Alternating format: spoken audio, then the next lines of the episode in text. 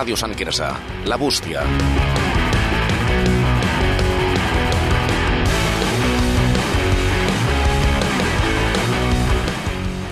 Bona nit, Sant Quirze. Benvinguts i benvingudes a la Bústia Sant Quirze, eh, un, un programa de Ràdio Sant Quirze. Estem aquí eh, un dia més per començar l'any. Eh, què tal estàs, company? Bon, bona nit, bueno, bona tarda. Eh, sí, estem un, pro- eh, bon any a tots. Estem en un programa més avui especial eh, i començant l'any una mica, bueno, oxidats, re- reprenent una mica perquè ara feia dies que no gravàvem, però amb ganes de continuar. Molt bé, espero que hagis acomiadat correctament el, el 2022 i que, que compleixis els propòsits que t'has posat i que n'has posat per aquest proper any. Bueno, no, no gaires propòsits perquè normalment... O sigui, sí que m'he ficat llegir més aquest any. Bueno, llegir, començar a llegir i estat, he començat un llibre aquest any, eh, Tokyo Blues, no sé si el coneixes. No. eh, que m'ha deixat la meva parella i de moment m'està agradant però llegir més perquè era un hàbit que vaig perdre fa anys i m'agradaria reprendre'l i l'estic reprenent ara i bueno, però la majoria de propòsits jo me'ls fico al setembre que és quan comença una mica després de vacances al curs tu? Molt bé, jo faig una mica el mateix. Per tant, no tinc un propòsit com a tal, però espero que sigui un bon any. Dit això, aquest és el desè programa de la temporada, que, bueno, tampoc és un número gaire especial perquè és un, un número baix, però sí que és un programa especial perquè és el primer de l'any i perquè avui hi ha un micròfon de més habilitat a, a la taula de l'estudi de Ràdio Sant Quirze, que és on ens trobem. Tenim la sort d'estar acompanyats per una persona que, que ens acompanyarà durant el programa i amb qui estarem xerrant i durant aquesta estona. Però abans de donar-li pas hauríem de recordar una mica com, com funciona el programa. Sí, sabeu que ens podeu deixar totes les consultes, suggerències, temes que voleu tractar al programa a, a les nostres xarxes socials, que són principalment Instagram, arroba la bústia SQB baixa, el mateix usuari a Twitter, però a través de les històries que anem penjant ens els podeu contestar o els posts, així com els missatges eh, privats que els tenim oberts perquè ens envieu el que vulgueu. Sí, i també tenim el Twitter, que, que segueix a tope com sempre. Sí, ah, i el, i el d'això, el, Google, el document de Google habilitat per presentar les vostres consultes. El formulari, que, El formulari, que té el nom de la bústia. Sí. Vale, molt bé. La introducció d'avui és una mica més breu, o sigui, o sigui que donem pas al nucli del, del programa d'avui.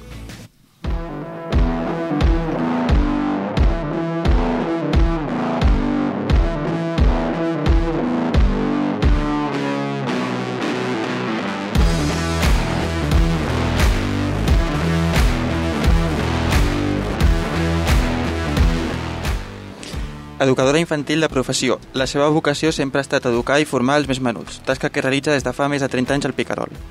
Es considera una persona enamorada de la vida cultural i de les tradicions del poble. Li agrada passejar pel casc antic i per aquelles zones que parlen de les arrels històriques i reflecteixen els orígens de Sant Quirze. Elisabet Oliveres, benvinguda, com estàs? Doncs molt bé. Moltes gràcies per convidar-me. A tu per, per venir aquí. Eh, abans parlàvem de propòsits. Com has començat l'any? Te n'has posat algun? Com que em dedico a l'educació, tinc el mateix hàbit que vosaltres. Per mi els anys comencen al setembre i ara és una continuació del curs, una continuació d'allò que havíem fet, no? I potser si en tinc algun també és recuperar hores de lectura de- d'aquesta que et deixa volar i que fa que, que la ment es ventili, no? Perquè llegeixes molt, però llegeixes molt allò que et toca per feina i allò que has de preparar i documents, no? I perds aquest hàbit d'agafar un llibre i perdre't allà dintre i, i no sé si és l'hora de dinar o l'hora de sopar, i, no? I, doncs potser aquest, però no, sempre començo el curs amb energia i el continuo tot l'any. Tens algun tipus de, de lectura així que t'agradi més? Mm, No especialment, m'agrada molt les... Tinc una autora que m'agrada molt, que és molt recolent, que és la Dolores Redondo, que fa aquestes novel·les així, no? Però tampoc està llegint això com pots trobar llegint poesia, com pots tornar a trobar llegint una novel·la, no, no, no especialment. Depèn del moment, l'ànim, el què, no? Hi ha llibres per tot, sí. Sí. Eh, bueno, avui tant a nosaltres com a la gent que interactua amb el programa ens interessa el que ens puguis explicar durant aquesta estona perquè ets l'alcaldessa del poble. Eh, per començar, com has acabat a l'Ajuntament exercint d'alcaldessa? És una bona pregunta. Com hi he acabat? Bé, mm, això és una pregunta que em fan els infants quan venen a, els de, tres, de tercer perdó, de les escoles que fan la visita a l'Ajuntament i sovint et diuen com ho has fet, no? Um, clar, l'origen tot ve perquè un grup de persones que ens coneixem de fa molts anys, l'any 94, 90, sí, 93, 94, eh, doncs començaven a fer la candidatura d'Esquerra, d'Esquerra al Poble, que no existia. Mm. I a partir d'aquí, a través de l'amistat, de les inquietuds eh, sobre temes urbanístics, sobre temes que passaven en el poble, eh, i també nacionals, però en aquest cas potser no era ben bé la reivindicació nacional la única, sinó que era la, no, la, la del municipi com a centre i continua sent, doncs ens va portar a presentar-nos. En aquest cas doncs, va, vam sortir elegit un regidor i així es vam continuar, no? sempre la mateixa llista. El 2007-2008 la vam transformar en Junts per Sant Quirze eh, i aquí continuem. Jo és una cosa que admiro bastant la vocació per, per ser de persona activa per canviar el poble, per tal de tractar de millorar-lo, perquè, evidentment, crec que tots nosaltres intentem viure en un entorn i intentar millorar-lo i tot el que ens envolta, però fer-ho d'un nivell de, com des de l'Ajuntament i tal, i pues és una cosa que valoro bastant perquè jo, jo no em veig capaç, saps? De, per exemple, no, jo no vull ser el, ni vull formar part de l'Ajuntament perquè no he estudiat això ni tinc la intenció de fer-ho, però és una cosa que des de la distància admiro bastant les persones que tracten de eh, fer un canvi per millorar tant no, no només la, la seva vida, sinó de la gent que les envolta encara que no tinguis relació amb elles, com és la gent del poble de Sant Quirze. Clar, jo penso que és una qüestió molt de vocacions i d'il·lusió, eh? Um, el fet de dedicar-te a l'educació infantil, en el meu cas, no? que és absolutament vocacional, perquè si no t'agraden els infants i si no t'agrada la comunitat i allò que um, eduques que transforma, no? perquè l'educació transforma constantment igual que la cultura, eh, no arribes a, aquesta visió de, de tribu sencera o de què passa, no? aquesta visió més holística de, del per què passen les coses i on són. No? Um, el fet d'haver d'estudiat, jo diria que cap dels regidors i regidores ens hem format especialment. És de les gràcies que té um, la política municipal, no? que som gent del carrer, que sí que després un cop assumeixes la responsabilitat de, l'acte de regidora, tant és si estàs a govern o no, eh, has de fer uns aprenentatges, no? què és una junta de govern, quins són els òrgans que té una junta, perquè no pots ser un analfabet en l'àmbit on estàs movent-te no? i t'has de formar. Però t'has de formar per ser respectuós amb la institució, per ser respectuós amb els tècnics i tècniques que hi treballen, per ser respectuós amb els mètodes, amb el sistema, no? per garantir que la democràcia es, està ben representada i que no s'hi fan trampes i per tant, tant si estàs a govern com a oposició has de conèixer les normes per poder-les uh, seguir, no? Però, però ja no és tant um, el fet de preparar-se, sinó el fet de creure's el projecte col·lectiu i sempre tenir molt present que no ets tu, que estàs fent de representant de. Sí, no? això és a mi és el que em sembla molt... més difícil el creure en un projecte, perquè a mi o sigui, jo estic una mica, no a nivell del poble, sinó a nivell general, desencantat una mica amb el sistema polític que ens envolta perquè realment no crec en un canvi, sigui qui sigui qui governi, no crec en la poca experiència que tinc vital respecte al que tinc coneixements mínims de política, no crec que no he vist de moment un canvi real i se'm fa difícil creure en que pugui haver-hi, però m'agradaria creure-hi. A mi també, per això em dedico només a, al món local i no m'interessa res que surti de Sant Quirze. Si m'interessa com a ciutadana, com a veïna, com a persona, perquè tot allò que decideixen m'afecta d'alguna manera o altra i afecta el nostre entorn, no? Però m'agrada aquest treballar, aquest trinxera que fem no? en els mm. municipis, el conèixer el veí, que et parin pel carrer, que poder incidir directament en coses que són palpables, que les toques, que les veus i que les pots intentar transformar perquè siguin menys lesives per, per les persones que viuen al teu entorn. No? A nivell, tant a nivell mundial com europeu com a, a nivell de l'estat espanyol, aquí a Catalunya mateix, eh? penso que hi ha una qüestió de visions patriarcals i de poders que no tenen res a veure amb la política, en absolut, sinó en el poder. Mm. No? Sí. Poder del capitalisme, dels diners, de, de l'interès, de... uns en diran l'IBEX 35, cadascú li dirà alguna cosa, no? Mm. Però no té res a veure amb allò que els ciutadans normals eh? ens ho mirem i diem què estan fent? Clar, és que hi ha molts interessos darrere que no veus que pots, o sigui, que la gent de peu no pot, pot no arribar a veure, però hi ha molt, moltes coses de, darrere que és molt... És molt difícil que ho sí. justifiquin, no? I sí, doncs sí. et fa molt estrany aquella justificació. Clar, penseu que, que clar, els, els ajuntaments no, no, no, no legislem, fem només tenim alguna funció eh, d'ordenació a nivell d'ordenances, no? a nivell de, de fiscalitat municipal o fiscalitat o d'ocupació de, de, de via pública i, i sempre ho fas amb la, amb la conversa entre les parts. No? Eh, però ho fas això coneixent el territori, coneixent la gent. La resta legislen sobre territoris, sobre aspectes, sobre col·lectius, i potser no tenen cap mena de relació amb aquells col·lectius. Ja. Saps? Sí. Um, o sigui, el que ha passat amb la llei de, no, de la política trans, que l'anaven a aprovar, que l'han tomba- la transformen, que van els col·lectius allà que es queixen. Hòstia, en sèrio? és, ningú és capaç d'escoltar-los i, i representar, no? Um, sempre hi ha d'haver algú que pensa que té la veritat absoluta sobre les coses. Hosti, doncs no ho sé. Sí, ara que comentaves això, jo crec que també un problema principal, tant aquí com al poble com a la resta, eh, jo crec que la gent el problema que té és que no se sent escoltada moltes vegades per després la gent que ha de, que ha de governar.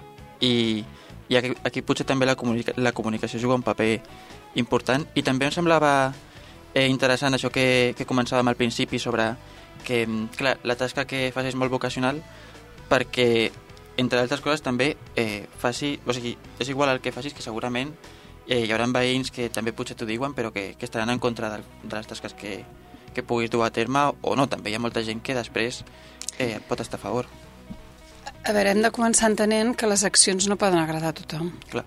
perquè sempre que emprens una acció segur que sempre hi ha algú que no hi està del tot d'acord, perquè és impossible, si no estaríem visquent en un pensament únic i en un show de Truman, no? Sí. I això no és veritat, és a dir, hi ha tantes opinions com persones existeixen, per tant, um, i totes tenen el mateix dret de ser respectades i escoltades. Mm. Com prens les decisions? Doncs per l'interès del bé comú Clar. allò que és menys lesiu, allò que representa i evidentment um, sempre a través d'uns informes que no prepares tu, que prepara les persones que tècnicament estan preparades per emprendre aquella, aquella resolució d'aquell àmbit, no? El fet de que... Jo penso que és un mantra, eh? És a dir, no se'ns escolta qui participa de les meses, qui vol, no? Les meses de participació hi va qui vol. Poden anar les entitats que hi van, però també poden anar veïns a títol individual. Um, quan vam constituir el Consell de Poble s'hi van a presentar moltíssima gent. I aquella gent, saps? Al Consell d'Infants, però s'han presentat molts infants. Um, estem situats en una societat que, que potser, potser ens hem de començar a dir les veritats, també. Eh? Estic absolutament d'acord que hi pot haver gent que ha entrat a una instància i que potser no se li ha contestat perquè la té el tècnic, perquè...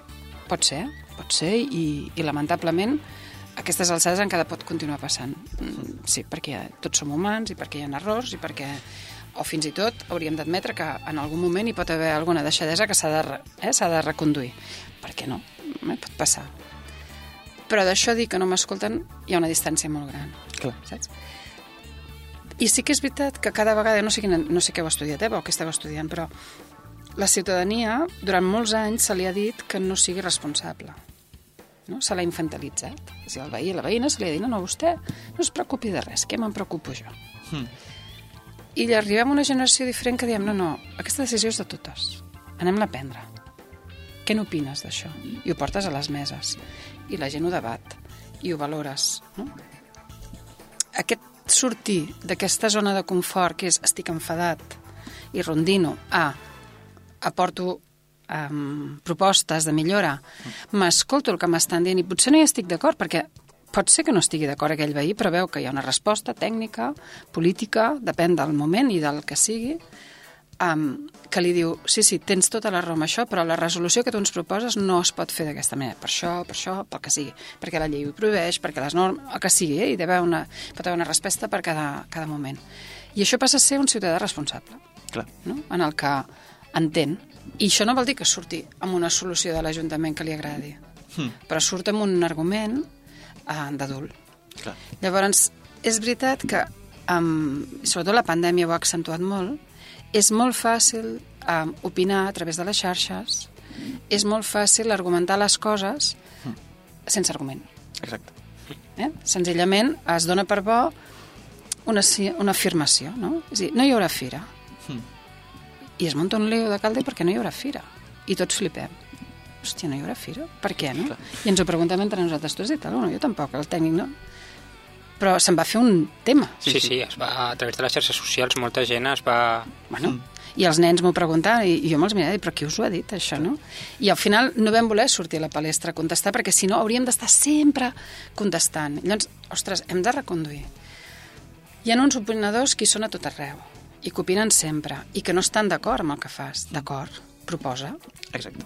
A més, ara, a través de les xarxes socials és molt més fàcil queixar-se i... Hi ha com una, tampoc et una visió queixes- anònima, Sí. no? no sap qui és, hi ha gent que ho fa amb el seu propi nom, hi ha gent que no, no? Que... I tampoc et queixes a ningú directament, sinó que tu a través de les xarxes socials tires a l'aire eh, la teva queixa o, la, o el El que, que sigui, vulguis sí. i Sí, i ahí està, queda ja escampat. I després hi ha gent que en lloc de fer-ho arribar a qui pertoca, ho fa arribar a les xarxes. Mm. Esperant que responguis. Escolta, jo no em llegeixo les xarxes cada dia. Mm. Uh, no sé, diumenge em vaig assentar i em vaig estar com dues hores penjant fotos del desembre. Bueno, havia tingut temps perquè vaig agafar un encostipat solemne, per tant, van haver dies que no vaig estar gaire connectada um, i no havia tingut temps de fer-les, no? I estàs allà unes hores pim, pim, i et van entrant coses i dius, ai, goita, no? Mm. Però no estàs pendent perquè no vius a les xarxes. Vius amb les relacions personals, vius a, fent reunions, vius anant a, a fer un cafè, a, a parlant amb la gent, no? I la xarxa la fa servir bueno, per, per connectar-te, és veritat. Mm. I veus gent, i veus projectes xulos, i els hi dones suport. Però hi ha gent que d'allò n'ha fet una realitat, no? Mm. Llavors sí que tenim companys que treballen a l'Ajuntament i que són els que porten xarxes, i d'allà detecten coses. Però una cosa és, he fet la denúncia i ho penjo a les xarxes, d'acord. Mm. Però ho penjo a les xarxes, estic esperant que em contestin, bueno, i, i com vols que ho sàpiga jo? Clar. No, no, cap problema. Ah, Ara, sí, ara abans de, de continuar amb el tema de les xarxes, que teníem previst una mica entrar en profunditat, eh, clar, és a dir, potser se li podria demanar al, al veí o veïna una actitud proactiva, no?, de cara a, a millorar el poble, més enllà de potser eh, això que comentàvem, queixar-se de qualsevol cosa sense potser cap fonament i, i esperar que algú li, li resolgui. Hi ha molta gent que la té, eh? Penso que la majoria la tenen. Sí. La gent té una actitud molt proactiva i molt respectuosa. El que passa que qui fa molt soroll és el que es veu més. Però la gran majoria de la gent es comporta bé, la gran majoria de la gent respecta les normes, la gran majoria de la gent és molt solidària i funciona. I que molta gent, doncs, quan... A veure, ningú coneixem més bé què passa al nostre entorn que els veïns que vivim allà. Clar. Perquè hi passem al matí, passem a la tarda, passem al vespre, coneixes aquell carrer perquè... No? Per tant, aquest vigilant de carrer que som cada un de nosaltres, ja està bé que es comuniqui amb l'administració i li digui, escolti, uh, hi ha un fanal que no va, uh, hi ha un sot que no l'estan arreglant. L'obligació de l'administració és anar-ho a mirar i posar-ho com a tasca pendent, valorar-ne si hi ha un perill per la gent o no i, i senyalitzar-ho i a resoldre-ho amb la brevetat que marqui no, la, la, la situació. I això la gent passa. És dir, jo penso que hem d'anar més enllà i hem de ser molt valentes totes amb analitzar perquè hi ha gent que només utilitza les xarxes. Però jo crec que una persona, si de veritat vol intentar arreglar un problema o té un problema que l'afecta i creu que, creu que es pot solucionar des de l'Ajuntament, si volgués de veritat en comptes només de, no només de tenir un afany de protagonista, sinó que el programa s'arreglés, sap els mitjans que hi ha a la disposició, que és... Eh, Clar. Perquè fan. comunicar-se amb l'Ajuntament és fàcil. Mira, hi ha tantes o més entrades uh, per xarxes que gestionen l'Òscar i el Jordi, que són els dos companys que estan a xarxes, com les que entren a l'OAC. El 2015 era al revés, eh? Tot era en, en paper a l'OAC i algunes a xarxes. Quan vam començar a donar molta resposta a les xarxes, i a més a més la gent les vam com utilitzar, no perquè clar, vosaltres veniu d'una generació que les xarxes ja són omnipresents a la vostra vida, sí. però hi havia una època que anàvem amb el iogurt aquell i la corda, no? Ah, sí. I la, no? El Carles riu, i quan tenies una BlackBerry ja flipaves, no? Perquè és el no? Però anàvem amb telèfons amb SMS perquè no hi havia més i que el WhatsApp, quan va arribar, ens, revolu ens va revolucionar tots, no? Això de poder ser adjuntar una foto i tal, però estem parlant de no fa tant. Sí, sí. Eh? Bueno, nosaltres hem viscut sense WhatsApp encara. Clar. Sí. Bueno, poc, no, no poc. Sé, sí, Sí, sí, poc, però bueno. Jo tinc dos fills, un de 38 i un de 27. El de 38 havia fet treballs a màquina, a elèctrica, però a màquina, i havia utilitzat les, les, les enciclopèdies de casa. El petit no. Clar. El petit ja ho va fer tot amb... Wikipedia. Amb, clar, Amb ordinador, Amb sí. l'ordinador, amb la Wikipedia, no? I li deia, quan li deies, posa la bibliografia, sempre era la mateixa, no? I l'altre tenia unes biografies brutals, el tio, no? I però vés a buscar, si un germà li baixava llibre, però si tens aquí, tio, ah, és més fàcil, no? Sí. Bueno, ja, ja havia canviat el paradigma, no? Uh, I aquí és el mateix. Llavors, ja hi ha ciutadans que ho fan. Llavors, depenent del perfil que ho denuncia, tu ja llegeixes altres coses allà darrere. Sí. Clar. I hi ha perfils que han nascut denunciant i que ara estan situats en un altre àmbit, perquè aquell inici de denúncia ja l'estaven caminant a... Sí, hi havia interessos darrere de... Bueno, ja els hi veureu, no? O ja els trobareu, o ja els heu trobat, no? I per tant, no? I que ja els intuïes des del primer moment, però deies, Bueno, si la gent li agrada promocionar-se així, doncs, eh, tampoc no està tractant d'intel·ligents a la gent que del Clar. seu entorn, no? perquè la gent ha de se n'ha de donar si l'estan utilitzant o no. no? Mm. Clar, a mi no em veureu quasi mai contestar les meves xarxes, quasi mai. Normalment mm. aguanto el xàfec i no contesto. Quan contesto és que algú me l'ha buscada molt, com per exemple aquell dia del Mercedes, no? que es va cremar un Mercedes aquest estiu i, i vaig contestar, dir, escolta, mm, perquè a més a més la, les novetats de la policia posava que a un veí se li havia incendiat el cotxe que en lloc de deixar-lo al mig del carrer el va anar a aparcar just allà, no? Que dius, en sèrio? T'has d'aparcar? No? Però bueno, no? I llavors i, hi ha un moment que dius, bueno, ja prou. Hi ha prou mentir, hi ha prou manipular, hi ha prou... Um, perquè crees una sensació si aquesta persona ho fa, o aquestes persones, aquests col·lectius ho fan amb una finalitat, però no veuen que mentrestant hi ha gent que s'ho creu i que ho passa malament. I si ho hem de passar malament perquè la circumstància és dolenta, ho passarem. Clar.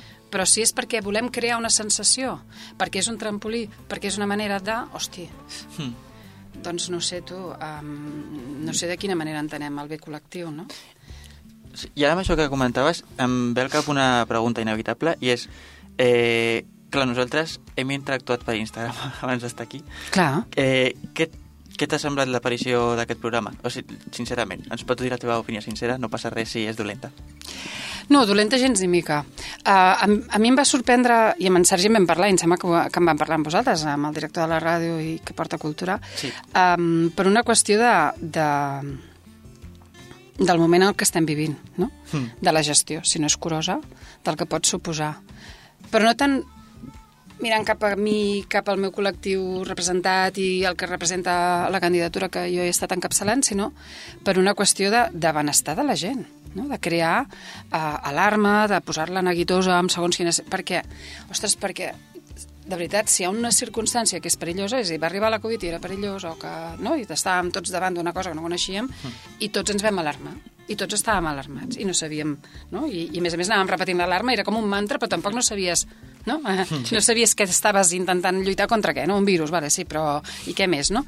Um, si el poble estés cosit de robatoris, um, doncs hauríem de fer un porta a porta dient-li la gent uh, tal, no? Si, és a dir, si hi hagués una alarma concreta que ens estés en aquest moment torturant, ostres, doncs mm, l'Ajuntament és el primer interessat en que la gent visqui bé a casa. I per tant el que et preocupa és amb quina voluntat es fa això? De crear alarma o d'un espai de debat que és superinteressant? perfils joves, amb gent que potser crida a gent jove, que costa més no? que se senti representada, que trobi un espai per poder parlar de les coses. No? Per tant, a mi, bueno, ja veieu que la ràdio Sant Quirze la fan voluntaris. Mai Sí. l'hem utilitzada per res. El Carles fa mil anys que ens coneixem i mai ens hi hem posat. És a dir, jo hi ha programes que els descobreixo a la graella. Sí. És a dir, a mai, mai m'han demanat, poden fer això aquests?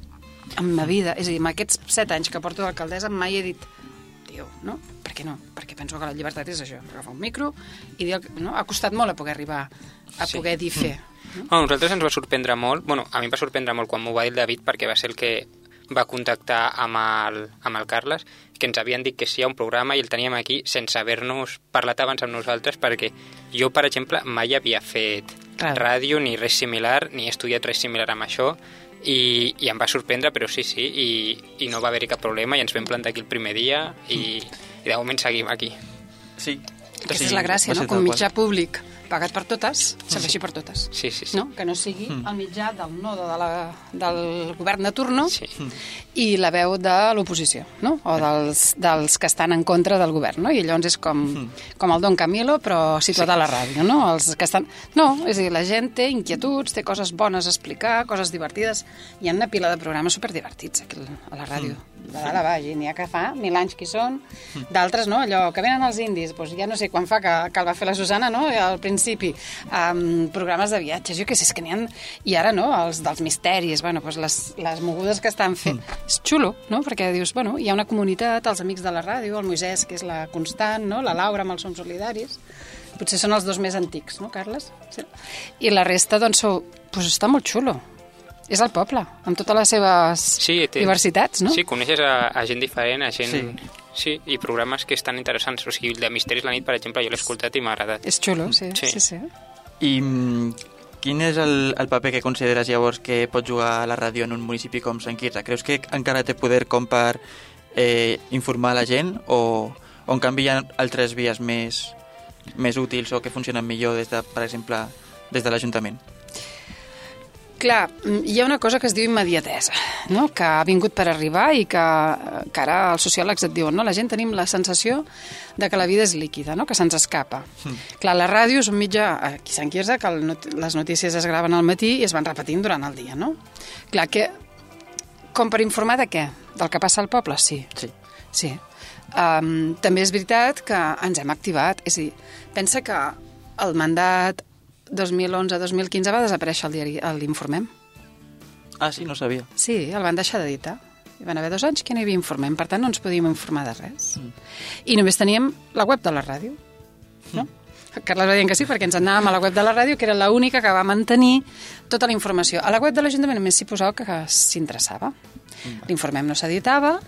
On t'informaves com a poble? Pues, Clar. en el SOT, no? en Bosqueta va fer aquesta feinada d'aguantar i de... Tots anàvem allà, i encara no hi havia tant Instagram, per tant no hi havia. No? Mm. Quina obligació té l'Ajuntament? Informar. Vam crear la trimestral, tot el món de cultura allà posat. L'informem té una agenda que posa tot. L'agenda pública, no? que la gent entra També. a la web de l'Ajuntament i es pot descarregar què està passant al seu Ajuntament. Les entitats que comuniquen. Tothom té Instagram. Clar, és veritat que s'ha transformat molt, eh? la comunicació ara t'arriba per moltes bandes. El Twitter de l'Ajuntament per uns perfils determinats. Hi ha una newsletter també. Sí, que la newsletter que t'arriba, que t'hi pots, no? La, la de promoció econòmica i la de notícies. Um, el canal de Telegram, que s'ha fet aquest mandat, no? i que serveix per rebre una sèrie de coses que passaran aquesta setmana o que són importants per tenir. Per tant, la ràdio, quina funció té? Jo penso que té la de cohesionar, la de que ens coneguem, mm. la de passar-ho bé, eh? en baixo, no? perquè al final la majoria ho escoltem, no? te'n vas a la web mm. i et baixes el programa que et ve de gust en aquell moment i te l'escoltes mentre estàs treballant a l'ordinador, mentre estàs per casa i tal. No? Um, perquè el dia a dia probablement no et porta a poder estar sentint, no estàs prou estona en el cotxe per sentir un programa de ràdio Clar. voltant pel poble, quan arribes a la Riereta Sabadell, a la Ronda Ponent s'acaba, ja, no, mm. ja no sents més, eh? quan giro que no, sí. allò ja se m'ha acabat, ja no puc sentir més ràdios en Quirze, quan vas a les fonts hi ha una estona que hi ha un punt negre, tampoc no la captes, després tornes a sentir-la, per tant, quan? A casa, no? Clar. I què et serveix per això? Per conèixer gent que té inquietuds, coses divertides que passen, coses més profundes, no? Mm. Penso que és un mitjà més que el saber, perquè aquest saber el busquem tots en el... El mòbil, sí. sí. El mòbil, Exacte. no? Sí, sí, actualment la informació ha canviat molt i si a través del mòbil, de, si no la tens ja, sembla que estàs desactualitzat mm. i, i a la ràdio és molt més difícil, que, sobretot a la ràdio Sant Quirze, és molt més difícil tenir, sentir aquesta immediatesa sí. sobre les novetats sí, sí. que ocorren. Exacte. Vale, mm, jo crec que ara, bueno, un cop hem parlat una mica sobre xarxes, comunicació, tot el que circula i tal, eh, reprenent una mica el que parlàvem sobre eh, els mitjans oficials que disposa l'Ajuntament de cara a fer consultes i tal, eh, clar, en aquest programa, que va sorgir com un projecte acadèmic, eh, en part perquè, va ser en part perquè, com a veïns de Sant Quirze, flipàvem una mica amb, amb algunes coses que veiem a les xarxes, que és el que hem comentat ara. Uh -huh. eh, però és que també hi ha un espai a la pàgina de la web de l'Ajuntament que mostra dades sobre consultes, queixes i suggeriments rebuts i, i rebudes per part del veïnat de Sant Quirze. I, clar, hi ha una, una xifra que ens va sorprendre, que és que el 2020 van haver un total de 153 consultes. Però l'any següent, 2021, que ja era any, any postpandèmic, eh, la xifra va arribar a les 517, és a dir, pràcticament es va triplicar o més. Sí. Eh, saps què ha pogut passar o, o a què es deu aquest fenomen? Perquè el 2020 va ser un any anòmal totalment. Mm. Era un any que, que la gent... Clar, vam estar del març a l'abril, juny gairebé, no? Mm. Eh, tancats a casa, eh, la gent rebent la informació i no preguntant-la perquè no sortia. O sigui, els ajuntaments estaven tancats, l'administració estava parada, eh, vam estar bombardejant d'informació a la gent perquè estés al dia del què, vam aturar l'any fiscal, vam aturar tantes coses mm. que, clar, no, no podien generar. Clar, el 2021 tornem a la normalitat no sé què és normal. Sí, sí. El, el, el habitual, no? allò que era més el, el, el model abans. Mm. Clar, hi, van, hi havia molta por, molta gent que es queixava de he vist algú sense mascareta, algú que, no? quan no podíem sortir de la sí. comarca, quan no podíem sortir del no sé què, no? Um, aquestes van generar moltes, i després el dia a dia. Clar. El dia a dia. Per exemple, me'n recordo quan van sortir la pandèmia uh, a la, la part més forta, no?, al maig, la gent et deia, és que no s'han esporgat els jardins, coi, perquè és que no podia sortir ningú al carrer. Ja. Ai, per què? i clar, et quedes amb aquella cara de... En sèrio? Que hi ha una pandèmia, potser. Doncs perquè, no, clar, doncs perquè només podien haver-hi serveis essencials, no? I, I vam anar justíssims per arribar a Sant Joan amb els jardins eh, recollits perquè, no? I això és, és una petita mm, mostra del que pot passar, no? És a dir, durant mesos la gent... O gent que es queixava a la policia perquè a la nit hi havia gent pel carrer. Sí, és que és lo habitual. No? Sí, és que el veí fa... Uh, uh, hi ha gent al carrer i estan rient. Uh, sí, aquesta és la gràcia, que la gent pugui sortir Són i pugui coses, riure. sí, que té un poble. Però, però És que es va instal·lar ens- molta por i com un sentiment una mica també de fer de policia, sobretot. sí. I tant. Que també és comprensible, perquè clar, les dades de, de, bueno, de mortalitat que hi havia per coronavirus van sorprendre. Sí, el desconeixement que hi havia és normal que hi hagués força gent espantada i perquè ningú sabia, ara coneixem molt, mi molt millor tot, però la sobrereacció que va provocar també suposo que va provocar més Sí. problemes a l'Ajuntament. I després, el 21, vam tenir tota aquesta resposta emocional a la Covid, que va ser tots els joves absolutament desbordats, no? Joves molt jovenets, amb moltes botellots, amb, no? i tota l'acció de contractar durant el, final, el segon tercer trimestre del 2020 els educadors de carrer i les educadores i de començar aquesta acció que és molt més lenta però que és molt més efectiva d'anar acompanyant a la gent emocionalment, no? aquesta visió més holística de bueno, eh, què t'està passant es va fer un programa al gener del 2021 que era el Transitem no? I, i que al final estem parlant de clar, la, la Covid ens ha trasbalsat la vida, ens l'ha transformada molt i sí, sí, sí, hi ha un impacte sobretot sobre la gent, sobre les queixes. La gent està molt més enfadada que abans, Mm. perquè s'ha espantat molt, perquè ha vist com d'efímer és tot, no? Clar. I, per tant, eh, com la seva seguretat, allò, doncs segur que aniré de vacances, segur que faré això, segur que tindré feina, gent que s'ha quedat sense, segur que la meva empresa funciona, gent que està tancant l'empresa o que l'ha tancada, a gent que se li ha mort algú, que és el pitjor que pot passar, gent que ha perdut la salut, que no l'ha recuperada, que no està bé encara. No? Per tant, això fa que la gent no estigui tan d'humor. No? I, per tant, hi ha menys punt de tolerància que el que hi havia Clar. abans. I- Entenc, eh? I llavors, eh, quin és el procediment a seguir? És a dir, quan des de l'Ajuntament rebeu una consulta qualsevol, del, de la Mhm. temàtica que sigui, eh, quin és el procediment que a l'hora de tractar aquesta consulta? És a dir, des del moment que s'emet fins que, mm, fins que es resol... Depèn de, per, pel canal que entra. Si entra des de la UAC, si és un escrit que entra a l'Oficina d'Atenció al Ciutadà, obren un expedient de queixa sigui el que sigui, eh? tant si és una queixa com si és un suggeriment, com que sigui. I va directe al servei. Sempre ho veuen els tècnics, eh? La part política només intervenim si és una qüestió que és una decisió política, si no...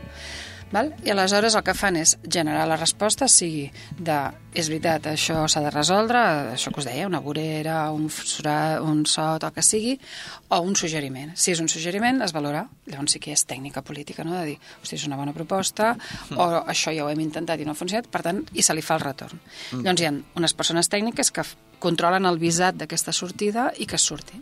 Hi ha un macro Excel que aquestes persones tècniques controlen eh, i els semàfors típics de tot arreu, eh? eh resolta, eh, gestió i no resolta, no? Mm. I anem de tant en tant, cada dos mesos així, anem demanant l'estat d'aquests semàfors, no? A veure quantes n'hi ha ja de tancades i que no es quedi res pendent d'anar fent. Llavors, eh, ara no sé si se m'obrirà, hi ha un visat que es fa perquè siguem conscients de que s'està responent. No veus mai la pregunta... En el meu cas, jo no veig mai les preguntes, només veig que responem. Sí, de fet, el, el, la mateixa pàgina em sembla que surt aquest semàfor que comentaves, eh, surt si quantes s'han respost o si hi ha Sí. algun en tràmit. Ara, quan es carregui, ho veurem. Però llavors et diu el què, no? Um, aquestes són les que entren OH, no? I és un expedient que s'obre. Les que arriben per xarxa, doncs l'Òscar i el Jordi fan exactament el mateix, però s'ho fan ells. No? Vale. Ells eh, tenen el seu macro Excel, saben quantes interaccions hi ha hagut amb aquell usuari, eh, perquè hi ha un històric de cada usuari, i ells interaccionen directament amb el servei, demanen la informació, si és curta la donen per xarxa oberta, si és molt llarga passen al privat, perquè a vegades afecta directament una persona, i si és algo que no es pot resoldre a través de la xarxa, se, doncs això, se li demana el telèfon i interaccionem. No? Si Jo he de dir que un familiar molt proper meu va fer, em va comentar que va fer un cop una consulta i que va rebre resposta i tot Mira, content. veus, aquí en tinc una, eh? Um, queixa atenció telefònica, doncs... Um, a veure si es descarrega...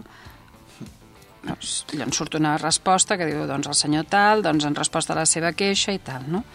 Um, I es visa i surt. I llavors un cop uh, surt, surt per notificació i arriba a la persona. Per xarxes és diferent, no? Si és una una queixa que es fa a la policia la policia la trasllada també al servei. Mm, Però sempre l'origen és tècnic. És a dir, normalment, um, perquè entenem que... És a dir, nosaltres no estem per manipular la realitat. Eh? És a dir, per tant, és un expedient de queixa, um, que pot ser això, eh, un suggeriment, és igual, però és un expedient que s'obre, això sí que ho vam instaurar nosaltres, s'havia d'obrir expedient, hi ha d'haver un, una traçabilitat de què ha passat, és a dir, no pot ser que la gent... I per això us deia que hi pot haver un oblit, hi pot haver una deixadesa, algú que allò en aquell moment no li vingués de gust i després ja se n'ha oblidat, però queda el registre. Val. Fins i tot jo quan faig despatx obert, si algú em porta alguna cosa, li dic, espera que ho registrem. Perquè si tu m'ho dones i jo ho perdo, Clar. no existeix el fet. No? Per tant, registrem-ho, queda la petjada, queda el document registrat, escanejat, i per tant sempre pots anar a buscar la teva entrada i dir, escolta, d'això no se m'ha fet resposta. Que segurament, repeteixo, eh, malauradament, segur que amb les moltes que entren, alguna s'ha trigat més del compte, o perquè l'informe que s'havia de fer no s'ha fet, o perquè la persona estava de baixa i se li ha quedat a la seva eh, bústia d'entrada i fins que qui el substitueix no diu, ostres, no? No hauria de passar, però bueno, hem d'assumir que, que també ja, no tot funciona com a la perfecció, no? I per tant, A, no, a nosaltres ens va comentar el Sergi, que jo això no tenia ni idea, que fins i tot també es pot demanar cita per parlar directament amb tu com a alcaldessa. Que fa jo- molts anys que ho vam fer. Um, vam començar-ho fent, em sembla que el 2016, uh, el que es diu el despatx obert. Mm, sí, sí. Llavors hi ha una, una bústia a la, a la web de l'Ajuntament que et pots inscriure i tal. Si és alguna cosa més urgent la fem abans, a vegades hem de fer la reunió abans perquè jo què sé, perquè és una cosa... Um, I llavors, a més a més, està molt bé perquè jo no veig qui ve fins al dia abans.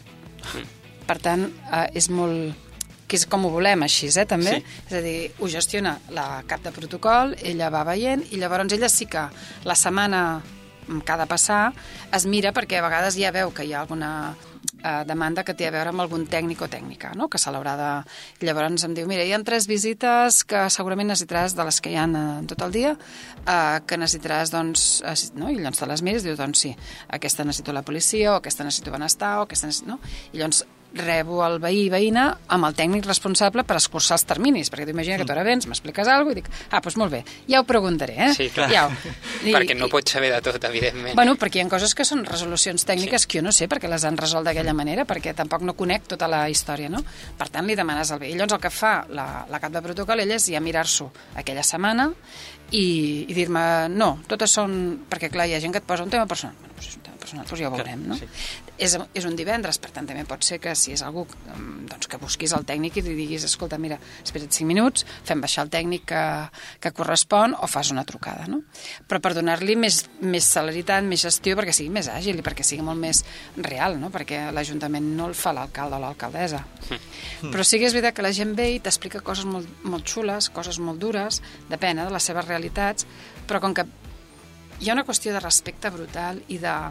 Ostres, és molt interessant. Jo amb aquests anys, amb aquests sis anys llargs que fa que ho fem, he après molt. Després vam començar a fer, i encara el fem, és el despatx jove, que és el primer divendres de mes amb el regidor de joventut, el fèiem amb l'Anna Canes en el mandat passat i ara amb el Pol, eh, fem amb els joves. I també venen joves amb propostes diferents i és xulo, és molt xulo. Els joves s'im- s'impliquen? És a dir, consideres reps eh, molta sol·licitud de jove o és més eh, gent d'edat més avançada, potser? Normalment són adults. Mm. També hi ha una qüestió que els joves hi ha menys filtres i quan em troben pel carrer em pregunten i està molt bé, genial saps? Hi ha aquesta espontaneïtat. Alguns perquè han estat exalumnes, altres perquè et coneixen. Eh, no sé, el dia de la cavalcada, doncs no sé qui em va dir, ostres, jo fa set anys vaig venir a la Junta... No, mentre anava caminant jo al costat de la carrossera, m'estava caminant un tros, és xulíssim, és que és xulíssim. Aquest sentiment de confiança. proximitat jo crec que o sigui, és molt, és molt bo i, i al final ho, el, li dona més confiança a la gent. Jo entenc que sí. També perquè no ho forces, ni ets un paper que fas, Mm. saps? És a dir, jo quan, quan no feia de regidora i anava pel carrer i em trobava exalumnes, doncs la... És veritat que amb educació infantil gesticules molt, no? però clar, et feia il·lusió i els veies, ostres, no? i tal. Um, I clar, aquests exalumnes, jo ja he tingut els seus fills, alguns d'ells, a la meva escola, perquè a la meva escola en maig farà 40 anys.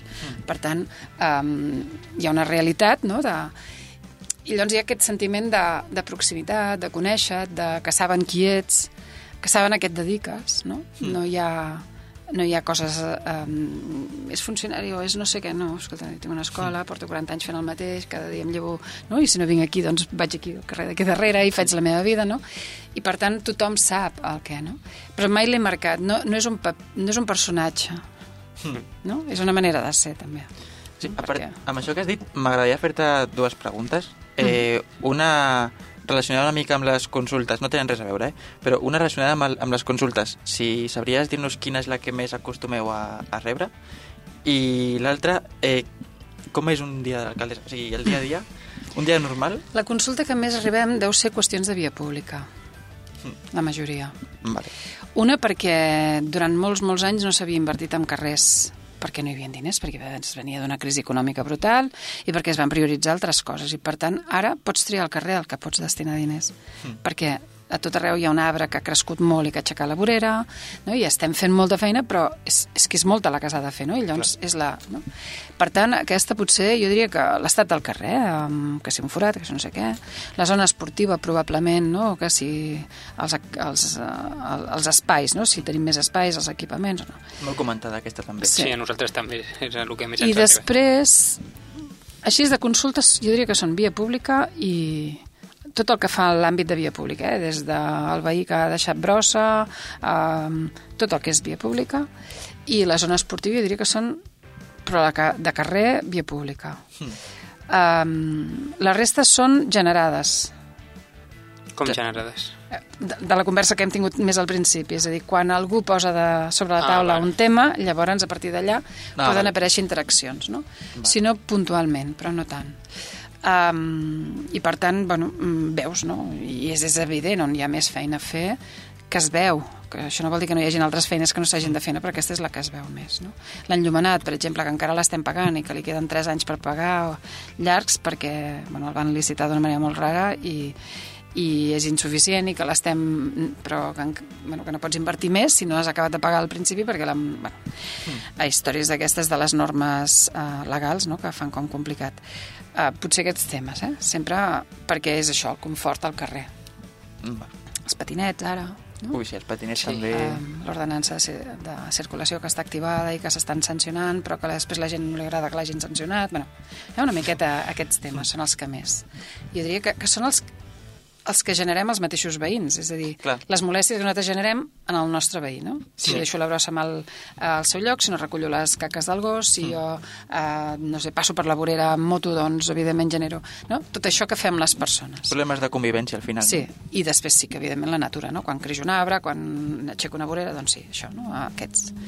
Perdoneu. Llavors, el que em deies de, el dia a dia de, d'un- de... Clar, això depèn de com tu montis, no? Jo vaig començar el 2015 anant cada dia a l'Ajuntament i flipaven, quan per mi... Um, és una cosa que quan nosaltres fem la nostra assemblea um, i venen les persones que els hi faria il·lusió fer de candidats i tal, sempre els dic el mateix, dic que això són set dies a la setmana, a tots els dies de l'any, mentre tinguis l'acte de regidor. És igual que estiguis a govern o oposició, tu tens l'acte i és una cosa que et condiciona per sobre de tot. Tu ets regidor, ets representant de, del teu entorn més immediat i per tant això prioritza-ho sobre les teves vacances, sobre les altres necessitats. La gent quan està a l'oposició eh? Jo m'he passat anant, estant a l'oposició anant a tots els actes i fent tot allò al màxim que pots, bueno, i evidentment les convocatòries que et fan i tal, però clar, quan ets a govern, que a més a més et paguen per fer-ho, Mm, clar. Sí. has de, vull dir, saps, el diner públic um, és de totes Mm. i l'has de rendir al màxim. Per tant, és anar cada dia a l'Ajuntament, fer la teva feina, tens un munt de reunions, um, n'hi ha que són molt productives, n'hi ha que no en són tant, moltes hores d'escoltar les persones i després totes les tardes són entitats i meses, meses de participació, no? en aquest cas, que són els àmbits que ens hem anat creant per poder anar gestionant. No? I els caps de setmana, vida cultural. És guai. Sí, la idea és que sona bé. Sí. sí, sí. No sé. Eh, eh, vale, dit això, com tampoc en, que ens queda gaire estona de, de programa, nosaltres, per exemple, eh, ara que et preguntava sobre les consultes que més eh, rebeu, nosaltres tenim alguna consulta que ens ha fet algun veí o veïna a Mhm. través de les xarxes que, si vols, potser podem comentar alguna. I tant. A veure si tinc resposta. Sí, No sé. això són, en principi, clar, això és un altre, perquè a vegades són temes que dius, bueno, Sí. Eh, Prendrem nota. Sí. Mira, d'una banda, eh, fa poc vam parlar un programa sobre el tema, tema esport i, i una persona ens va preguntar que per quan unes instal·lacions esportives com Déu mana i pistes de pàdel, de pàdel, de pàdel al poble. Sí. Clar, nosaltres sa- sabem que hi ha un projecte, Sí, l'hem de portar ple per aprovar. Mm. Sí, hem fet un projecte executiu. Durant el mandat passat vam passar la, la via cruzida. Es milloren les instal·lacions, la Diputació ens va fer un assessorament, primer va dir que no, que millor que milloréssim les que ja hi havia, i després quan van fer l'anàlisi concret van dir no, no és viable millorar una cosa tan vella i tan poc estructurada. Per tant, eh, s'ha fet el projecte executiu, que ha pujat 500.000 euros, bé que realment. I per què no s'ha licitat? Perquè estem en plena inflació vale. I un desviament d'una obra que se'n pot anar als 10 o 11 milions, un desviament d'un 10% és un milió més d'euros, que condemna l'Ajuntament a pagar-lo i, per tant, condemna a tots nosaltres a pagar 11, doncs, un milió més. Per tant, eh, la, els serveis econòmics de la casa ens han demanat que continguéssim fins que s'estabilitzi la inflació, és a dir, durant aquest 2023. Ara l'hem de presentar, ens l'han entrat ara a finals, Sí. l'hem de presentar als grups municipals, l'hem de veure a la mesa d'esport i a partir d'aquí es portarà ple, s'aprovarà i després ja es podrà iniciar la licitació. És una licitació llarga, eh? perquè Sí, són- nosaltres vam veure tot el projecte, que és molt ambiciós i, o sigui, Sí. i si es du a terme, al finalment, pues, eh, bueno, la veritat és que és una jo tinc moltes... molt substancial. Sí, sí, i, i jo tinc moltes ganes de que es dugui a terme perquè la veritat, les, totes les propostes, que ara no me'n recordo exactament tot el que hi havia, però o sigui, és una millora molt considerable respecte al que hi ha al ara. final i que... és, és, és entrar al segle XXI, sí. no? amb instal·lacions esportives tampoc no hi ha res luxós, s'ha demanat que sigui materials resistents, que no hi hagi res que sigui d'última moda, últim crit que passi de moda i després diguis allà alguna cosa, no? però que sigui pensat en aprofitar tots els espais, en crear espais.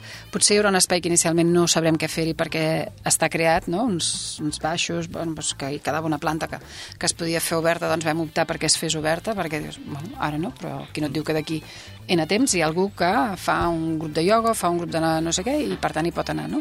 Per tant, s'ha intentat eh, al màxim um, sense pensar en, ja et dic, en grans luxes ni en coses que siguin absolutament um, de l'últim crit, sinó senzillament el confort dels veïns i veïnes, la seguretat, evidentment, i l'espai per poder fer activitats dirigides, per poder fer moltes més peses, no? tota les maquinària que hi ha i tal, um, perquè realment el que tenim ara és absolutament trist. I- Eh, també et dic, tu ara deies que tens moltes ganes per anar i tal, però ni tu ni, tu, ni jo ni anem. Jo Però no... segurament si estigués bé hi aniríem tots, més. Sí. Bueno, jo, Això les, sí. jo les pistes de pàdel, sobretot, que vaig Aquesta sí, sí, sí. Clar, el pàdel és un esport que inicialment semblava que arribava per marxar i que s'ha vist que s'ha arribat per quedar i que moltes zones esportives els instal·len perquè són els que fan rendir econòmicament, no? Llavors sí, sí, sí. Això, tirar a la piscina, clar, tiraran la piscina vella a terra, la que tenim ara coberta, i allà hi van les pistes, no? Clar, és una passada veure tot allò, no? La platja de la piscina més gran, realment és molt xulo. Però clar, són molts, molts, molts diners que estan molt ben destinats a... Um, perquè es, fa molta falta, tot i que hi ha una entitat, una entitat en especial que creu que no i que i qui està molt en contra i pensa que és un, de, un dispendi. Clar, si això pensem que la zona esportiva és dels anys finals dels 70-80, um, si pensem en aquests quasi 40 anys, no? Uh, només que haguéssim gastat 2 milions l'any, són aquests mm, mol, molts milions que ara tocaria i encara ens sobrarien molts eh, de diners. Um, per tant, bé, és una inversió gran que s'ha de fer sí o sí.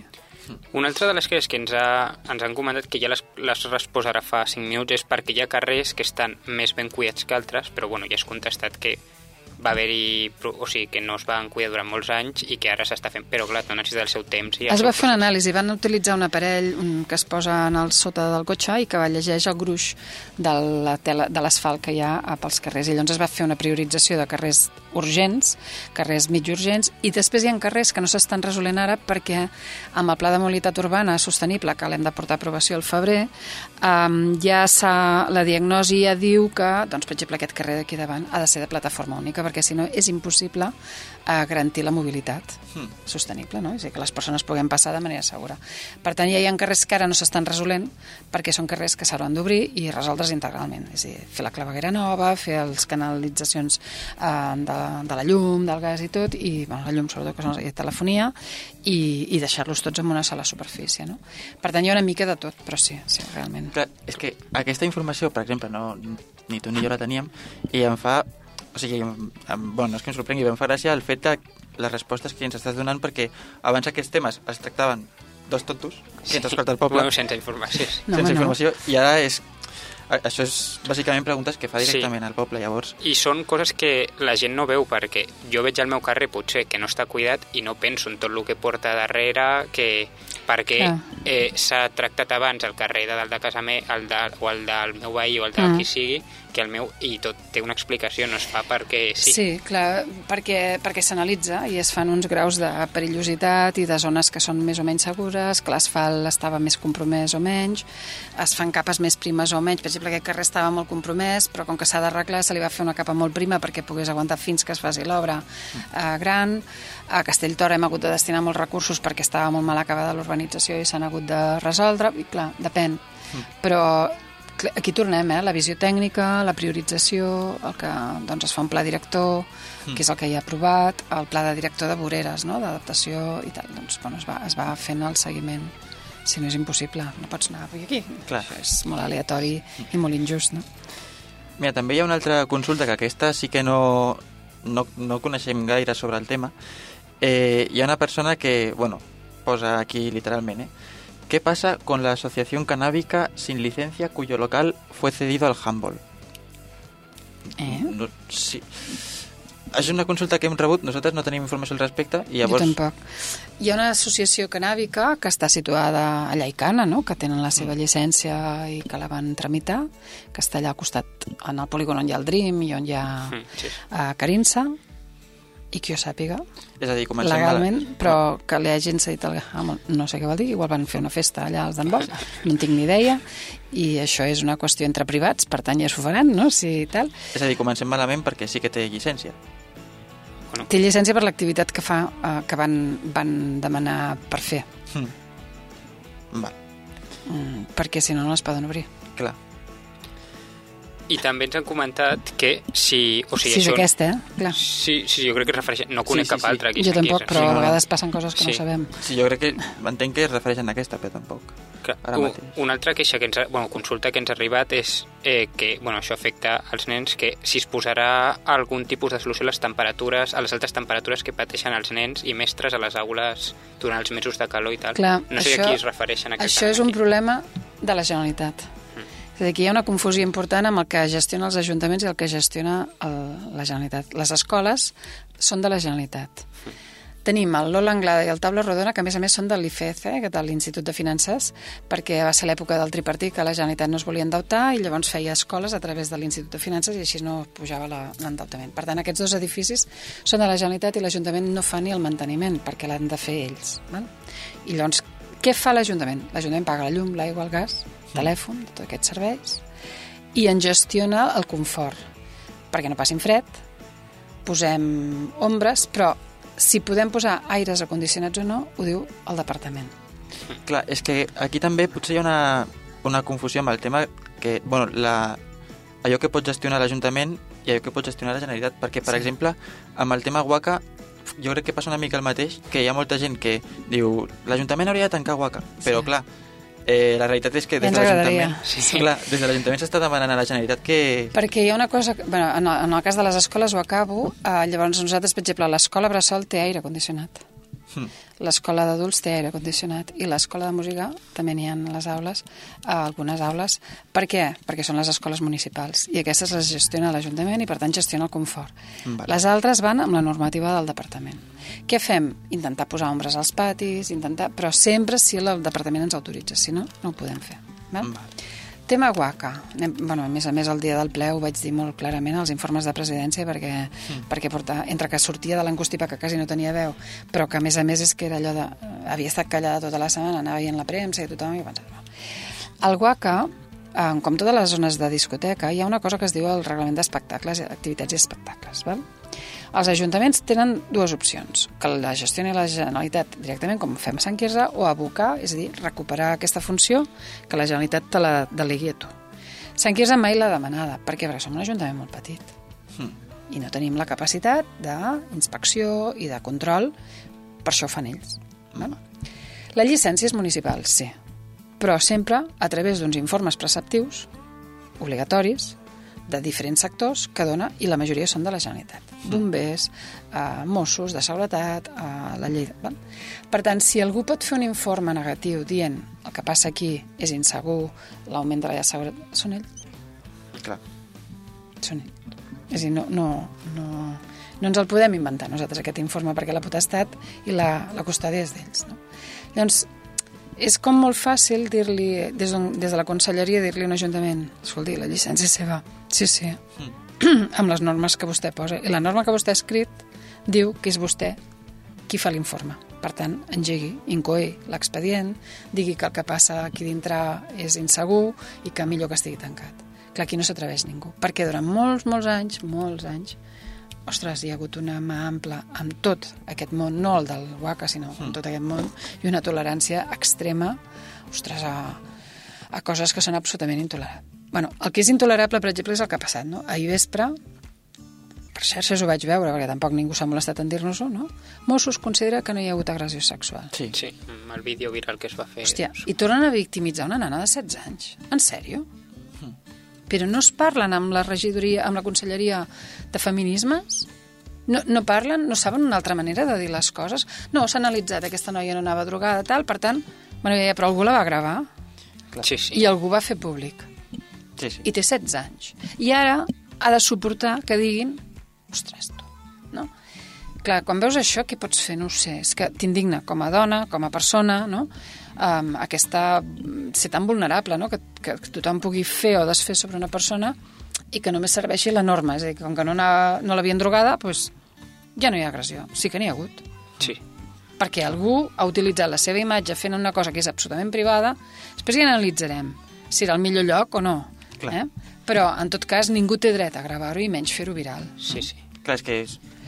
és Des de que es va gravar, la gent que ho ha compartit i després veus segons quins comentaris respecte a les notícies que a vegades et preguntes si com a societat estem fent les coses bé, perquè veus Tenim segons feina. quines reaccions sí, Tenim Sí, sí, feina. tenim que Tenim feina a educar-nos no? i acompanyar-nos. Sí, sí.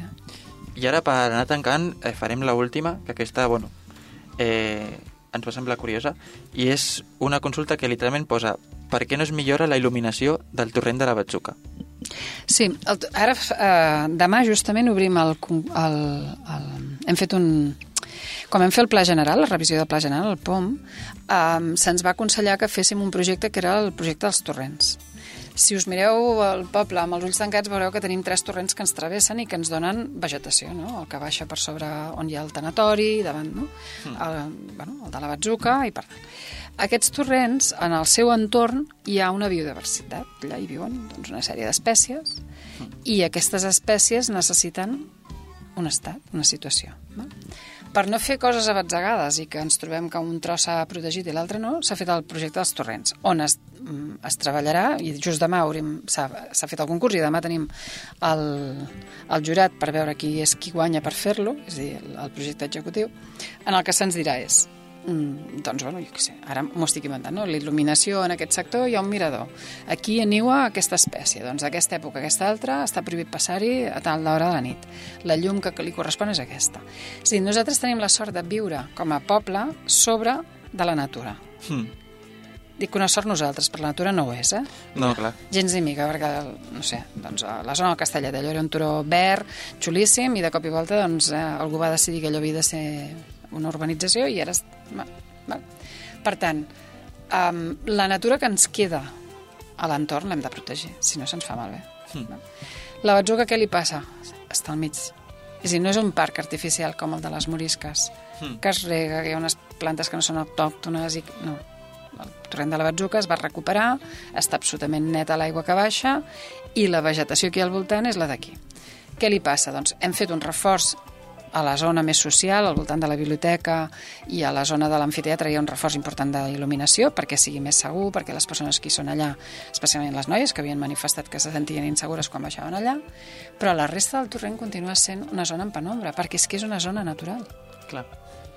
I aquí veurem amb el projecte dels torrents què ens diuen, però probablement ens diran això, que les zones que niuen els animals no sé quina època de l'any s'aconsellarà que no es passi o que no, sé, no, que no es pugui utilitzar el telèfon o que no es pugui parlar tant, um, perquè constantment estem agredint, fem microagressions a la natura, mm. uh, transitant-hi tot el dia...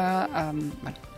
Llavors, um, és probable que, que no... El que passa que ho podrem explicar perquè estarà dintre un projecte, però que no millori especialment. És probable que es quedi així o que hi hagi un punt que estigui molt il·luminat perquè allà no hi hagi una atenció a, a la diversitat doncs, de, la, de la fauna i en canvi hi hagi una altra. No? A la zona dels horts ara començarà el projecte. Allà començaran a haver-hi els horts, s'endreçaran, estaran cedits per parcel·les, hi haurà tota la zona és amb, amb una visió d'auto de que no hi hagi impacte. Sabeu on són, la zona dels horts, allà tocant la riera? Ah, sí. Val? Doncs allà hi haurà uh, una caseta doncs, per les eines, uh, tot anirà amb plaques solars, recollida d'aigües, uh, amb compostatge, uh, doncs una mica per fer el model no, d'horts sostenibles que no tinguin impacte sobre el territori. Allà hi haurà il·luminació, sí. Clar. Però potser després vindrà un tros que no serà tan il·luminat. I, no? Mm. Clar, això ho haurem de veure. Ara es respecta molt sobretot les zones que niuen, les zones que, que hi han de ser. No? En el, on es va il·luminar més? On hi ha l'skate perquè estava molt fosc Clar. i no podien sí, entrenar a les nits i llavors bueno, es va posar un bàcul més no? perquè s'hi vegin més ens queda pendent de posar el de la pista de Vallsuau que també l'han demanat per poder mm. uh, jugar als vespres perquè quan arriba l'hivern doncs, hi ha estones que sí. es fa fos molt aviat i ja està però hi ha zones que de moment no es farà res fins que surti el projecte, que trigaran tres mesos, i que llavors ens diran, doncs miri, aquesta zona es pot il·luminar i es pot utilitzar amb aquesta intensitat, aquesta zona no, la vegetació que hi ha d'haver, potser tenim canya americana que ens està invadint, ara hem, re hem rebut l'autorització de l'ACA de retirar-ne una part important, bueno, doncs, realment és un tresor el que tenim Clar, al voltant sí. de casa. Jo imaginava una mica que els trets anirien per aquí, perquè realment és el que dius. Jo crec que tenim, tenim una sort eh, per exemple, doncs, tota la zona de gallina és aquesta mateixa mm. i l'hauríem de, de cuidar entre tots. O sigui que... Sí, jo, jo entenc que demanen il·luminació perquè és un plaer passejar per allà, però clar, també has de respectar, evidentment, la natura perquè segueixi sent un plaer passejar sí. per allà. Tens tot el sí. dia per passejar i si no també pots posar una frontal, que això també es fa a vegades. Bueno, i que hem de posar molt en valor la sort que tenim de tenir la natura a tocar, que no és, un, no, no és una zona artificial Clar. que l'hem creada perquè sigui bonic és que hem fet les cases al voltant d'una zona que era molt maca. Llavors, preservar-la i retornar-la una mica a l'origen bueno, és, és aquella petjada que hem de fer desaparèixer, no? que com menys petjada deixem nosaltres a la Terra, més, per més anys durarà. No? I, serà. I dit això, arribem a la, a la recta final del programa.